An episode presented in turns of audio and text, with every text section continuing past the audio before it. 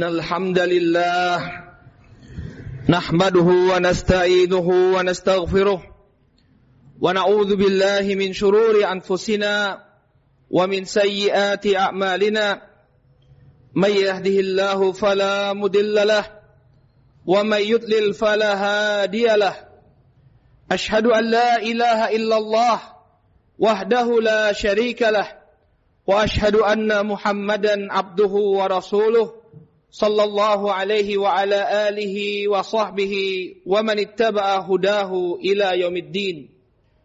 قال الله تبارك وتعالى في كتابه الكريم يا أيها الذين آمنوا اتقوا الله حق تقاته ولا تموتن إلا وأنتم مسلمون. يا أيها الناس اتقوا ربكم الذي خلقكم من نفس واحدة وخلق منها زوجها وبث منهما رجالا كثيرا ونساء واتقوا الله الذي تساءلون به والأرحام إن الله كان عليكم رقيبا. يا أيها الذين آمنوا اتقوا الله وقولوا قولا سديدا. يصلح لكم أعمالكم ويغفر لكم ذنوبكم. ومن يطع الله ورسوله فقد فاز فوزا عظيما. أما بعد فإن أصدق الحديث كتاب الله وخير الهدي هدي محمد صلى الله عليه وسلم وشر الأمور محدثاتها فإن كل محدثة بدعة وكل بدعة ضلالة وكل ضلالة في النار Ma'asyara muslimin, jamaah sidang Jumat rahimakumullah. Alhamdulillah puji dan syukur kita panjatkan kepada Allah atas segala nikmat yang telah Allah Subhanahu wa taala anugerahkan kepada kita semua. Salawat serta salam semoga senantiasa tercurah kepada junjungan kita Nabi Muhammad, kepada keluarga, para sahabat dan pengikut beliau hingga akhir zaman. Ma'asyara muslimin, jamaah sidang Jumat rahimakumullah, melalui mimbar khutbah ini, khatib berwasiat, marilah kita senantiasa meningkatkan keimanan dan ketakwaan kita kepada Allah Subhanahu wa taala dengan menjalankan perintah-perintah Allah dan menjauhi larangan-larangannya. Ma'asyiral muslimin, banyak orang yang mengeluhkan keadaan ekonomi sekarang di mana pendapatan mereka sejak terjadinya wabah pendapatan mereka berkurang. Mereka mengira bahwa rezeki yang diberikan oleh Allah Subhanahu wa taala yang dahulunya beliau mereka dapatkan sekarang jauh berkurang. Maka seorang mukmin hendaknya dia meyakini bahwa rezeki itu datangnya dari Allah Subhanahu wa taala. Allah Subhanahu wa taala memberikannya sesuai dengan apa yang Allah Subhanahu wa taala kehendaki. Terkadang seorang hamba diberikan rezeki yang banyak oleh Allah Subhanahu wa taala dan terkadang Allah Subhanahu wa taala menginginkan untuk memberikan kepadanya rezeki yang sedikit. Oleh karena itu ma'asyara muslimin, hendaknya seorang muslim dia berupaya untuk meraih rezeki dengan jalan yang diridhoi oleh Allah Subhanahu wa taala. Jangan kemudian kesempitan rezeki yang dia dapatkan menyebabkan dia kemudian menempuh jalan-jalan yang dimurkai oleh Allah. Masyarakat muslimin, sesungguhnya banyak sekali jalan-jalan untuk mendapatkan rezeki yang telah disebutkan oleh Allah Subhanahu wa taala dalam Al-Qur'an atau melalui lisan Rasulnya Shallallahu alaihi wasallam yang terkadang ini tidak diketahui atau dilupakan atau bahkan dilalaikan oleh kita sebagai seorang muslim. Padahal inilah yang menjadi inti atau inilah yang menjadi sebab Allah Subhanahu wa taala menganugerahkan rezeki yang barokah kepada hamba-hambanya. Masyarakat muslimin, di antara sebab diberikannya rezeki oleh Allah Subhanahu wa taala kepada kita, bahkan ini merupakan sebab yang terbesar adalah kita bertakwa kepada Allah Subhanahu wa taala. Seseorang menjalankan perintah-perintah Allah dan menjauhi larangan-larangannya, maka ini merupakan sebab Allah kucurkan anugerahnya kepada orang tersebut. Oleh karena itu barang siapa yang merasa rezekinya sempit, maka hendaknya dia perbanyak ketakwaannya kepada Allah. Dia perbanyak ketaatannya kepada Allah dan senantiasa berupaya menjauhi apa yang Allah Subhanahu wa taala larang. Masyaallah muslimin, di dalam Al-Quran Allah subhanahu wa ta'ala berfirman, وَمَنْ يَتَّكِ اللَّهِ يَجْعَلْ لَهُ مَخْرَجًا وَيَرْزُقْهُ مِنْ حَيْثُ لَا يَحْتَسِبْ Kata Allah Subhanahu wa taala, barang siapa yang bertakwa kepada Allah Subhanahu wa taala, maka Allah Subhanahu wa taala akan berikan kepada dia jalan keluar. Permasalahan apapun yang dia hadapi, Allah akan berikan solusinya. Kemudian kata Allah Subhanahu wa taala, "Wa yarzuqhu min haitsu la yahtasib." Dan Allah Subhanahu wa taala akan anugerahkan rezeki kepadanya dari arah yang tidak dia sangka-sangka. Oleh karena itu jagalah ketaatan kita kepada Allah, jauhilah larangan Allah, maka niscaya Allah Subhanahu wa taala akan menganugerahkan kepada kita rezeki yang berkah darinya. Kemudian yang kedua, ma'asyiral muslimin, di antara sebab diberikannya rezeki oleh Allah Subhanahu wa taala ketika kita keluar dari rumah kita, berupaya untuk mencari nafkah bagi keluarga kita, hendaknya kita meyakini bahwa rezeki itu datangnya dari Allah Subhanahu wa taala. Kita sandarkan usaha kita, kita sandarkan hasil dari usaha kita kepada Allah Subhanahu wa taala semata. Kita meyakini bahwa datangnya rezeki atau tertolaknya rezeki semuanya tergantung dengan apa yang Allah Subhanahu wa taala inginkan. Inilah hakikat dari tawakal. Maka barang siapa yang meyakini hal ini, justru Allah Subhanahu wa taala akan berikan kepadanya rezeki. Berbeda dengan orang yang menyandarkan rezekinya kepada usahanya saja tanpa menyandarkan kepada Allah Subhanahu wa taala. Dia lupa bahwa yang memberikan rezeki adalah Allah.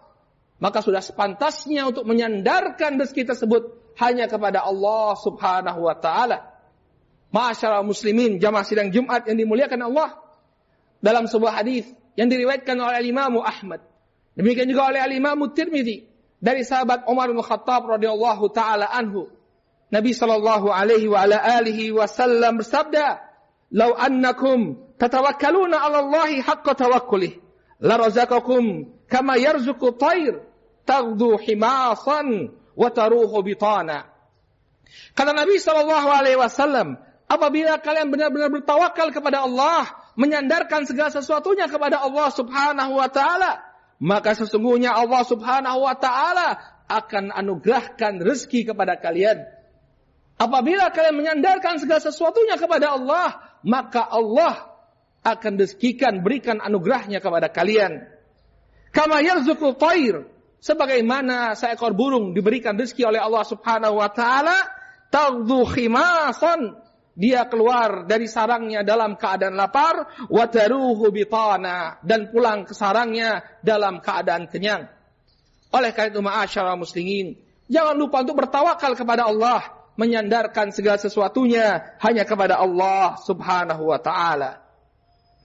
Kemudian ma'asyiral muslimin, di antara asbabur rizq, sebab-sebab rezeki yang terkadang dilupakan oleh kita adalah menyambung silaturahim, menyambung tali kekerabatan, menyambung hubungan yang baik dengan karib kerabat saudara-saudara kita. Terkadang orang lupa bahwa saudara atau karib kerabatnya itu memiliki hak untuk dia perlakukan dengan baik, untuk dia berikan bantuan, untuk menolongnya ketika dia kesusahan. Dia lupakan hak-hak saudaranya. Padahal ma'asyarah muslimin, menyambung silaturahim merupakan sebab seorang hamba diberikan rezeki oleh Allah subhanahu wa ta'ala. Dalam sebuah hadis yang diriwayatkan oleh Al-Imam Al-Bukhari dan Muslim dari sahabat Abu Hurairah radhiyallahu taala anhu, Rasulullah sallallahu alaihi wasallam bersabda, Man sarrahu an yubsata lahu fi rizkih wa an yunsa lahu fi atharih falyasir rahimah. Kata Nabi Shallallahu alaihi wasallam, barang siapa yang ingin untuk dilapangkan rezekinya. Perhatikan ma'asyarah muslimin. Barang siapa yang ingin untuk dilapangkan rezekinya, demikian juga dipanjangkan usianya, maka hendaknya dia menyambung tali silaturahim. Hendaknya dia menyambung tali kekerabatan, memperlakukan karib kerabatnya dengan baik. Inilah ma'asyara muslimin. Beberapa sebab-sebab rizki yang terkadang terlalaikan oleh kita. Tidak terpikirkan oleh kita. Maka barang siapa yang menjalani sebab-sebab ini. Niscaya Allah subhanahu wa ta'ala akan senantiasa menganugerahkan kepadanya rezeki yang baik. Rezeki yang halal. Dan rezeki yang berbarokah. Mudah-mudahan Allah subhanahu wa ta'ala senantiasa menganugerahkan rezekinya kepada kita semua Mudah-mudahan Allah subhanahu wa ta'ala menjadikan kita semua sebagai hamba-hambanya yang taat melaksanakan perintah-perintah Allah dan menjauhi larangan-larangannya. بارك الله لي ولكم في القرآن العظيم. ونفعني وإياكم بما فيه من الآيات وذكر الحكيم. أقول قولي هذا وأستغفر الله لي ولكم ولسائر المسلمين من كل ذنب. فاستغفروه إنه هو الغفور الرحيم.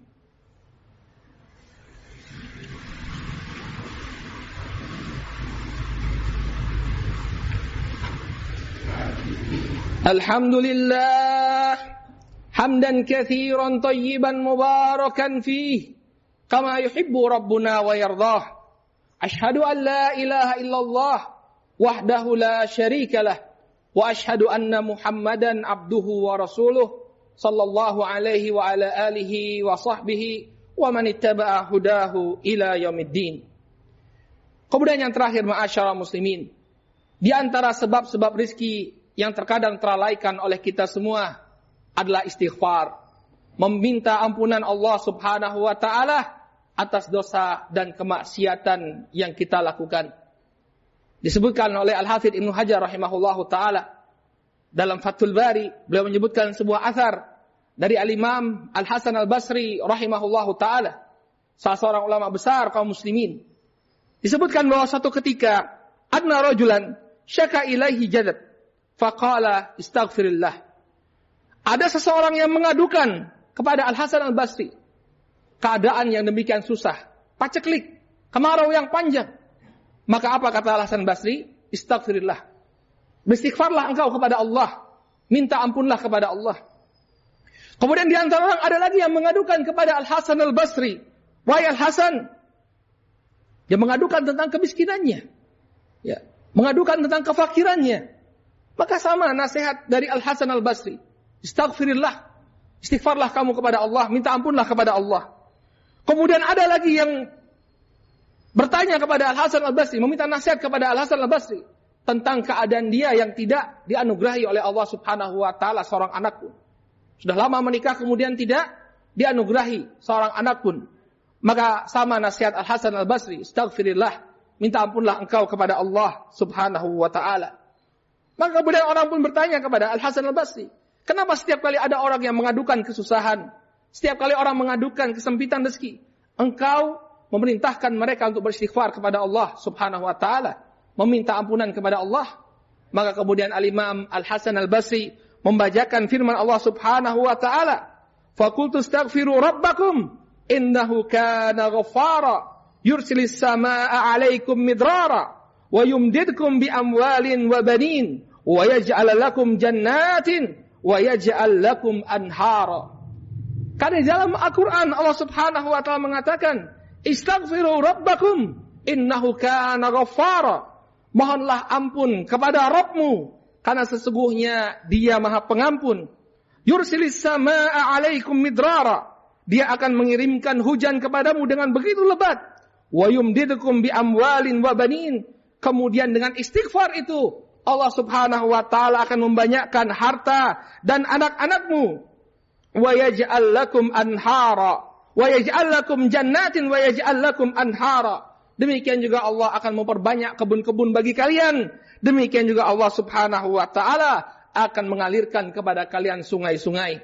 Dari sini Al-Imam Hasan Al-Basri mengambil sebuah dalil, mengambil hukum dari sebuah dalil bahwa dengan istighfar maka Allah Subhanahu wa taala akan memperlancar rezeki seorang hamba. Oleh karena itu, ma'asyara muslimin, kita adalah hamba yang banyak dosa. Mungkin terhambatnya rezeki kita atau terhalangnya kita dari rezeki Allah Subhanahu wa taala karena dosa dan kemaksiatan yang kita lakukan. Oleh karena itu banyaklah bertobat, banyaklah beristighfar kepada Allah Subhanahu wa taala. Mudah-mudahan Allah Subhanahu wa taala mengalirkan dan menganugerahkan rezekinya kepada kita semua. Amin ya rabbal alamin.